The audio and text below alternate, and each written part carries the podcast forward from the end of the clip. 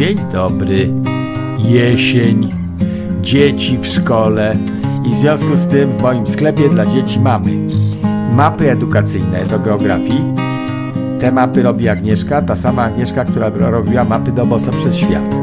Książki dla dzieci mamy i ja wybrałem dla młodszych dzieci cudną klinikę zwierząt. To się dobrze dzieciom czyta też, dorosłym się nie nudzi. Agnieszka z kolei dla dzieci trochę starszych wybrała różne książki uczące wolnego rynku, własności, odpowiedzialności finansowej itd. No i flagowy produkt gra planszowa Boso. Na YouTubie znajdą Państwo recenzje, nie moje, i filmy instruktażowe też nie moje, tylko różnych ludzi, którym ta gra się podobała na tyle, że chcieli coś nagrać. To jest bardzo dobrze oceniana gra edukacyjna, ale ja bym jeszcze dopisał, że rozrywkowa też jest. Gra dla całej rodziny lub dla samych dzieci. Alternatywa dla ekranu, który pali mózg. A dla rodziców na jesień dopisał personel, a dla rodziców na jesień mamy herbatki, termofory, kosmetyki pachnące urlopem. Czy to jest dobry pomysł, żeby urlopem coś pachniało w sytuacji, kiedy człowiek właśnie skończył urlop, siedzi w arbajcie i nie chce pamiętać o tym, że właśnie skończył urlop? Pachnące urlopem to można dawać tuż przed urlopem, a nie zaraz po urlopie. No i nowe kubki zrobiłem oraz do tych kubków przepyszne kawy pana WC. Cejrowski.com łamane przez sklep. Może wytniecie te uwagi edukacyjne dla was na temat urlopu.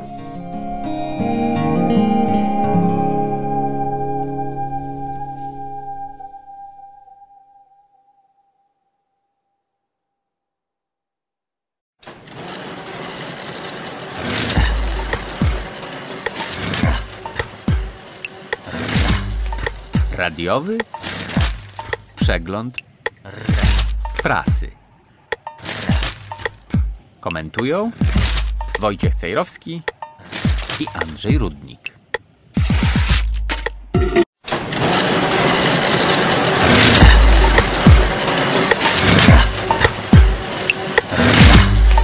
Radiowy przegląd prasy. Komentują Wojciech Cejrowski i Andrzej Rudnik. Dzień dobry panie Wojciechu. Dzień dobry panie Andrzeju. Wie pan co się stało w naszych stronach, proszę pana, bardziej na północ od Kociewia i Powiśla? No nie wiem, na Mazurach wiem co się stało. Nad morzem najpierw. No. Zalew połączony został, proszę pana, A. Wiślany z... Z Elblągiem, no z Elblągiem. No. Prawie z Elblągiem. lat przekopana. Tam się cieszę pod warunkiem, że e, zanim zaczęli kopać, to sobie odpowiedzieli na kilka pytań. W jakim celu to robimy? Czy te cele są wykonalne? Czy będą zrealizowane? Czy odpowiednio duże takie statki dowozowe, które kontenery transportują z portów oceanicznych, bo Polska nie ma oceanicznego portu, więc nie wszystko na Bałtyk się zmieści przez cieśniny duńskie. Pytanie, czy te mniejsze jednostki, które przepakowuje się kontenery z dużego statku na mniejsze, dowozowe, e, czy to się zmieści no wiadomo, że dojeżdża do Szczecina, dojeżdża do Gdyni i Gdańska, czy się zmieści przez tę śluzę i przez kanał do, do Elbląga, czy to, to płynie? Nie Jeżeli dopłynie, to dobrze, bo cała ściana wschodnia w tej chwili odbiera wszystkie swoje kontenery importowe i eksportowe, wysyła przez Gdynię. No to trzeci port w Elblągu, trochę bliżej od Olsztyna, Białegostoku, na wschodniej ścianie Lublina, by się przydał, żeby odciążyć drogi centralne. Bieram kontener w Gdyni, no to muszę go wsadzić na ciężarówkę i dalej w Polskę jedzie autostradą A2 albo innymi drogami w głąb gdzieś na południe. To by wymusiło na władzy ten Elbląg, który muszą teraz pisiory obronić, jeżeli tam wpłyną takie same statki jak do Gdyni, tej samej wielkości, no to wymusza kolejną nitkę autostrady, tak jak jest y, do Gdańska, no to jakieś A, A kolejne A na trasie Elbląg, Olsztyn, Lublin, pionowa trasa aż do Rzeszowa. Jeżeli chodzi o ten, ten przekop Mierzei, to jestem zwolennikiem e, tego przekopu i sądzę, że gdyby powiedziano, że to przede wszystkim dla żeglugi jachtowej, panie Wojciechu, no to Tak. sprawa jasna. Ten zalew, przecież on jest bardzo płytki. Jeżeli ktoś był, no nie wiem, we Fromborku, No czy wiem, a to są inne- pogłębiarki od tego, wie pan. No tak, E, ale co jeszcze- tak jak pogłębiarka będzie cały czas zapsztalać, proszę pana, Tak, żeby tak zrobić jak w ten kanale, tor- tak no, jak w kanale panamskim, który się zamula, pogłębiarki są na stałe zatrudnione i pływają w lewo i w prawo i cały czas odmulają. Natomiast no, jachtowy port, dobry jachtowy port, to jest atrakcyjna rzecz i kupa pieniędzy i jeszcze kutry być może rybackie, które mogłyby się chować e, po drugiej stronie i tam dowozić rybki do Elbląga, a nie tylko sprzedawać płastugę w krynicy morskiej. No ja w każdym razie życzę powodzenia tej inwestycji. Mam nadzieję, że no już nie mówię o zwracaniu kosztów za nią, bo co to jest 2 miliardy, proszę pana, w porównaniu na przykład z dwoma miliardami idącymi na telewizję publiczną. Chciałem teraz, żebyśmy o innym przekopie powiedzieli. Bratanica prezesa Kaczyńskiego, pani Marta Kaczyńska, ma, okazuje się, razem z mężem dom na Mazurach. Ten dom leży nad jeziorem Szymon, to znaczy to jezioro oddalone jest o kilkaset metrów od e, domu pani Kaczyńskiej. No i okazało Tak. się, że żeby było przyjemniej i łatwiej i na przykład jachtem można by było podpłynąć pod sam dom, to No. przekopano kanał, proszę pana, pod e, sam dom prawie pani Kaczyńskiej i jej męża. Bez żadnych e, pozwoleń, uzyskania zgód. Fajnie? Mhm. E, No to nie jest ich dom. To trzeba zacząć No, od tego, że jakiś Firmy. biznesmen, polski król sushi, syryjski biznesmen, to w ogóle mnie zawsze złości, że dopuszczamy do takiej sytuacji, że kwitną zagraniczne kapitały, to dla nich dobre. Dlatego Syryjczyka jest doskonałe, bo w Syrii wojna, to se przyjechał do Polski i w branży gastronomicznej zostaje królem. Czemu nie stworzono takich warunków, żeby jakiś Polak został królem sushi w Polsce? No i to jest rezydencja e, tego, że króla sushi, który w tej rezydencji pozwala mieszkać No. Marcie Kaczyńskiej z jej mężem bądź konkubentem, nie wiem, bo to chyba drugi w kolejce, to z No raczej trzeci, panie Wojciechu, mi się No wydaje. to z katolickiego Ale punktu widzenia konkubent, e, więc nie ich dom, tylko se pomieszkują.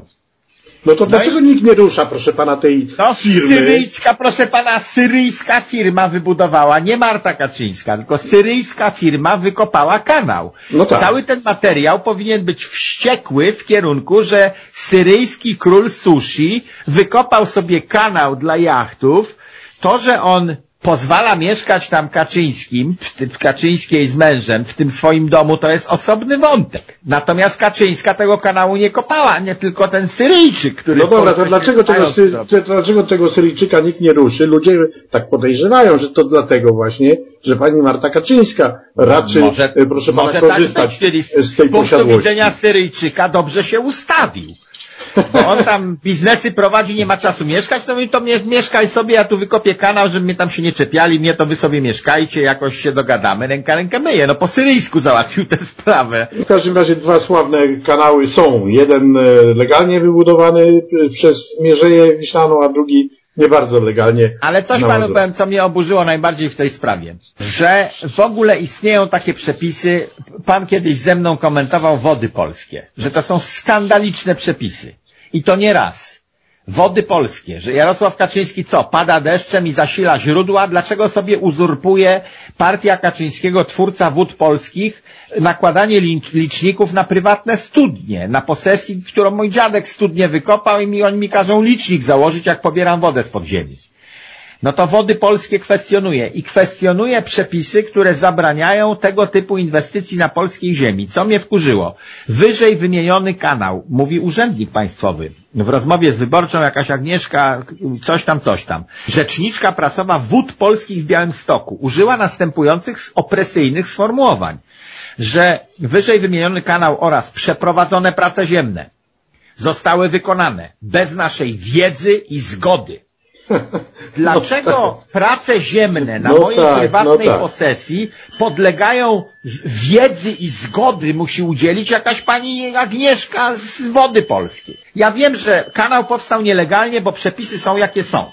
I tu powinien facet dostać jakąś karę za to. Jeżeli bo- kupiłem sobie kawałek posesji z dostępem do wody, to czemu ona nie może być moja? Czemu w Polsce na plaży nie mogę postawić pensjonatu, tylko plaże są dla wszystkich? No. Nie, nie muszą być wszystkie dla wszystkich. Y, Tak nawiasem mówiąc, usłyszałem, mi się przypomniało teraz, No. e, że mają zmieniać przepisy dotyczące, proszę pana, między innymi wiatraków takich, e, które wytwarzają prąd i No. być może, że będę mógł sobie tutaj u siebie na przykład, jak mi się zmieści, wystawić do 12 metrów wysokości taki wiatrak. Nie No. będą się czepiać, że ten wiatrak prąd produkuje z państwowego wiatru, proszę pana. Tak Ale dla pana może. może produkować prąd i pan będzie mógł handlować tym prądem? No, nie wiem, tego nie wiem. A no w widzi pan, bo to też jest no. granda. Pan postawi wiatrak, nie może pan z tego prądu korzystać, tylko musi pan sprzedać do sieci. Tak, muszę do sieci, a może A dlaczego tak, ja no. sobie nie mogę podłączyć do kury mojej tego prądu? No, żeby jej tam no. wodę pompowało czy coś. No, no Tak. to całe takie właśnie, ja bym sprywatyzował wszystko, co się da. No, jeżeli Rudnik chce postawić sobie staw rybny na swojej ziemi, to dlaczego on musi pytać władze w gminie, czy im się staw pański podoba i pańskie ryby?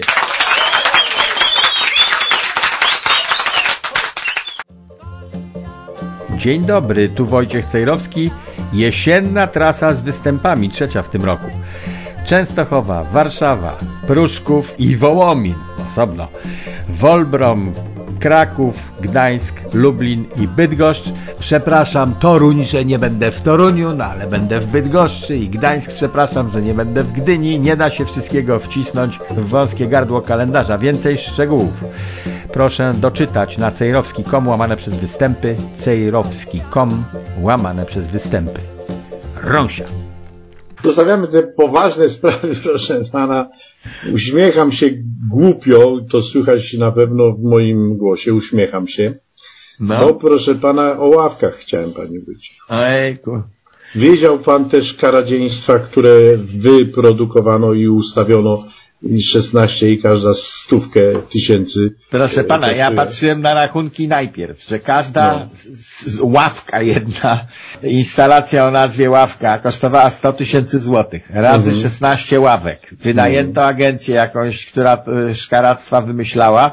Szkaractwa to rzecz gustu i każdemu bankowi wolno robić wszystko ze swoimi pieniędzmi, co tylko zechce, pod warunkiem, że nie jest to bank, który w całości należy do Skarbu Państwa. Bank Gospodarstwa przypadku- Krajowego właśnie. Tak, a w tym przypadku mamy do czynienia ze złodziejstwem, złodziejstwem, inaczej tego nie nazwę, bo Bank Gospodarstwa Krajowego należy w całości do Skarbu Państwa, czyli również do Rudnika i do Cejrowskiego i w związku z tym nie wolno takiemu bankowi wydawać po 100 tysięcy złotych na ławeczkę w ramach niczego.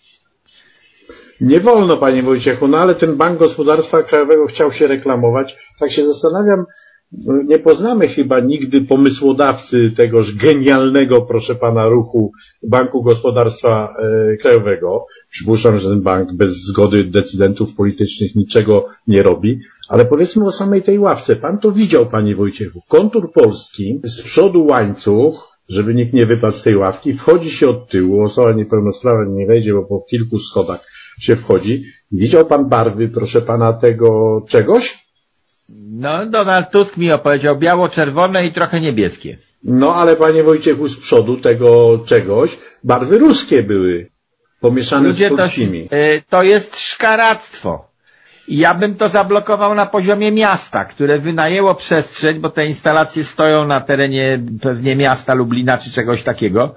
I w związku z tym te dwa metry kwadratowe, czy ile było potrzeba, to trzeba było wydzierżawić na czas jakiś, ktoś się musiał zgodzić, to ten, kto się zgodził, to jest pierwszy, który za to odpowiada. Bo w banku, no może się znają na pieniądzach, ale na sztuce trochę gorzej i próbują wstawić do naszego miasta reklamowe szkaractwo. No to jak jestem włodarzem miasta, to mówię chłopaki, nie, nie wynajmę wam powierzchni pod coś takiego, bo mi oszpecicie miasto i w całym kraju będą pokazywali zdjęcia z Lublina, jakie mamy koszmary na mieście. Poszły won mnie, wymyślcie coś innego. No tak, ale te ławki, proszę pana, po pierwsze, no na przykład tak się zdarzyło w Lublinie, zniszczona została przez wandali ta ławka. Ja Ale- m- mam wrażenie, że została zniszczona przez ludzi, którzy mają wysokie poczucie estetyki i walczyli z obrzydlistwem. A nie, wa wandal, proszę pana, psuje coś ładnego e, i to potem wygląda gorzej. Wandal zwandalizował coś, No, nabazgał tylko- coś na murze. A w tym przypadku wandal próbował zwalczać brzydotę. To nie wandal, to Tylko artysta. proszę pana, tak, artysta, artysta, ale to nawet nie musiało być ten wandal albo artysta, żeby coś się stało z ławką, bo w innej miejscowości też, proszę pana, doprowadził do tego, że sklejka, z której ona została wykonana, się rozlazła i w ogóle taka ławka nie nadaje się do użytku. No i się okazuje, że chyba te ławki są wielkim niewypałem. Tak też jest w naszym kraju. Ja bym se z nimi poradził, wie pan, bo jak już mamy coś takiego, Tak. to trzeba na tym jakoś pieniądze zarobić. Wy, wystawiłbym, to, u, wystawiłbym je wszystkie w galerii Guggenheima w Nowym Jorku, sztuka nowoczesna i próbowałbym je opchnąć po 100 tysięcy dolarów jako najbrzydsze ławki na świecie. Przypuszczam, żeby kupili ludzie. Ma pan rację, panie Wójciechu. Jakbym miał Na pieniądze, dobrej to- aukcji bym, proszę pana, sztuka nowoczesna, ktoś by się zachwycił, mówię panu, dzisiaj ludzie uciekają z pieniędzy w cokolwiek i najbrzydsze, bym tak reklamował, najbrzydsze ławki świata. Prezes do tej pory siedzi z głową w piasku, dzięki czemu mamy przekop Mierzei Wiślanej, bo prezes banku się tak wstydził, że wyrył kanał łbem, chowając się w piasku przed odpowiedzialnością. I takie najbrzydsze ławki świata proponujemy, cena zwłaszcza 100 tysięcy dolarów. Jeszcze jednej sprawie, krótko. Widział pan takiego gościa, proszę pana, który był wiceministrem rolnictwa, nazywał się, nazywa się Norbert Kaczmarczyk, który się cieszył, że na ślubie dostał w prezencie ciągnik za półtora bańki. A się okazało tam No później, że to jakaś firma amerykańska, reklama, umieściła na swojej stronie i tak dalej, i tak dalej. W każdym No co? razie gościa spuszczono ze stanowiska i jego następcą został Janusz Kowalski, y, nowym Tak. wiceministrem. Tutaj opisują ile oszczędności za czasów swojej działalności politycznej za rządów PiS, bo pan e, Janusz Kowalski już był wiceministrem, ale innego resortu. I tak się zastanawiam, jak to jest, panie Wojciechu, że facet, który no, gdzieś tam był w jakimś innym ministerstwie, tak, to idzie do Ministerstwa Rolnictwa, gdzie trzeba raczej się znać na tym rolnictwie, żeby być Nie. wiceministrem. Nie. Nie, tak jak Nie. dyrektor szpitala nie musi się znać na leczeniu. Panie trochę będę bronił no, tej tezy. no. Otóż zawód dyrektor, pamięta pan, z różnych filmów, te 40-latek, Tak. miś i tak dalej. Zawód dyrektor. Pan ma się znać na zarządzaniu grupą ludzką, a ta grupa ludzka ma się znać, grupa inżynierów ma się znać na budowaniu mostów, a pan ma się znać na zarządzaniu przedsiębiorstwem, więc No pan tak, minister, ale- pan minister od rolnictwa może nie mieć nic wspólnego z rolnictwem. Wiceminister w resorcie aktywów państwowych, pełnomocnik rządu do spraw reformy nadzoru właścicielskiego nad spółkami Skarbu Państwa. Zawód No dyrektor. teraz wiceminister, tak, zawód dyrektor, wiceminister e, rolnictwa, ale przy okazji, panie Wojciechu, już nie chcę się tak bardzo czepiać, ale warto niektórym się opłaca to, że się podczepią pod jakąś siłę polityczną, bo jak pan przeczytał, no, miał pan ten nowy wiceminister rolnictwa, kredyty do No. spłaty, pozbył się, proszę pana. Zarządów No. PiS zarobił 2,43 miliona za rok pracy. I No. tak dalej, i tak dalej. Proszę pana, kto się zaczepi na takim stanowisku, yy, no już wiceministra, czy tam ministra nie mówię, ale nawet na niższych, zarabia krocie po prostu. To idzie wszystko w miliony, aż się No. prezes zdenerwował i powiedział, żeby premii nie brali ci ludzie, ale przypuszczam, że go oleją, nie? Że, No, że przypuszczam, przypuszczam, No. że tak. A kim on ma kierować? Jak oni nie będą brali premii, to pójdą do innej partii. I No pójdą bez, ob bez obrzydzenia pójdą. Ci są zagrożeniem dla Jarosława Kaczyńskiego, bo jak on im każe nie brać sobie premii, to oni pójdą do kogokolwiek, kto premię wypłaca. Przypuszczam, że Jarosław Kaczyński wie, że jak nie brać premii, to tak gdzieś tam pod stołem oni tak wezmą te premie, a że to ma się nijak do przyzwoitości, to jest całkiem inna sprawa. Przede wszystkim w takich trudnych czasach, kiedy ta inflacja zżera wszystkich, ludzie się martwią, jak przeżyć od pierwszego do pierwszego, za co kupić węgiel, którego nie ma, zapłacić za gaz i tak dalej, i tak dalej, a tacy goście jak pan Kowalski zgarniają sobie miliony, no ale nie każdy może być, proszę pana, ważnym politykiem. Wie pan co, ale jak przeczytałem jego oświadczenie majątkowe, to wychodzi mi na to, że on jest y, durny, jeśli chodzi o pieniądze. Może nie tylko, tak. Że y, po prostu zwyczajnie durny. To normalny człowiek, który miałby 27 500 złotych, nie pakowałby tych pieniędzy w fundusz emerytalny, bo znając się na pieniądzach wie, że te fundusze są zbankrutowane. A on wpakował 27,5 tysiąca w fundusz PKO, w indywidualnym koncie zabezpieczenia emerytalnego, jakieś X, proszę pana. Tam odłożył 23 tysiące złotych. Na kolejnym koncie emerytalnym 4 tysiące złotych. To są przy inflacji szczególnie zmarnowane pieniądze. Więc ten facet się na forsie nie zna w ogóle. No, jeżeli, tak. jeżeli miałbym w coś pakować pieniądze, to w coś bardziej trwałego niż fundusz emerytalny. To niech pan Bo w sumie 50 tysięcy złotych to ja bym, wie pan, włożył w coś, no nie wiem, cegły bym kupił. Niech pan mu nie radzi, panie Wojciechu, bo zarobi na tym pieniądze, to może y, Ale niech pan poradzi. zarabia. Ja, proszę pana, y, kilka dni temu, tak już kończąc naszą rozmowę, y, jakąś książkę wziąłem sobie do czytania i tam znalazłem, jako zakładkę zastosowałem, proszę pana, w tej książce przed laty taką ulotkę z powszechnej kasy oszczędności Bank Państwowy.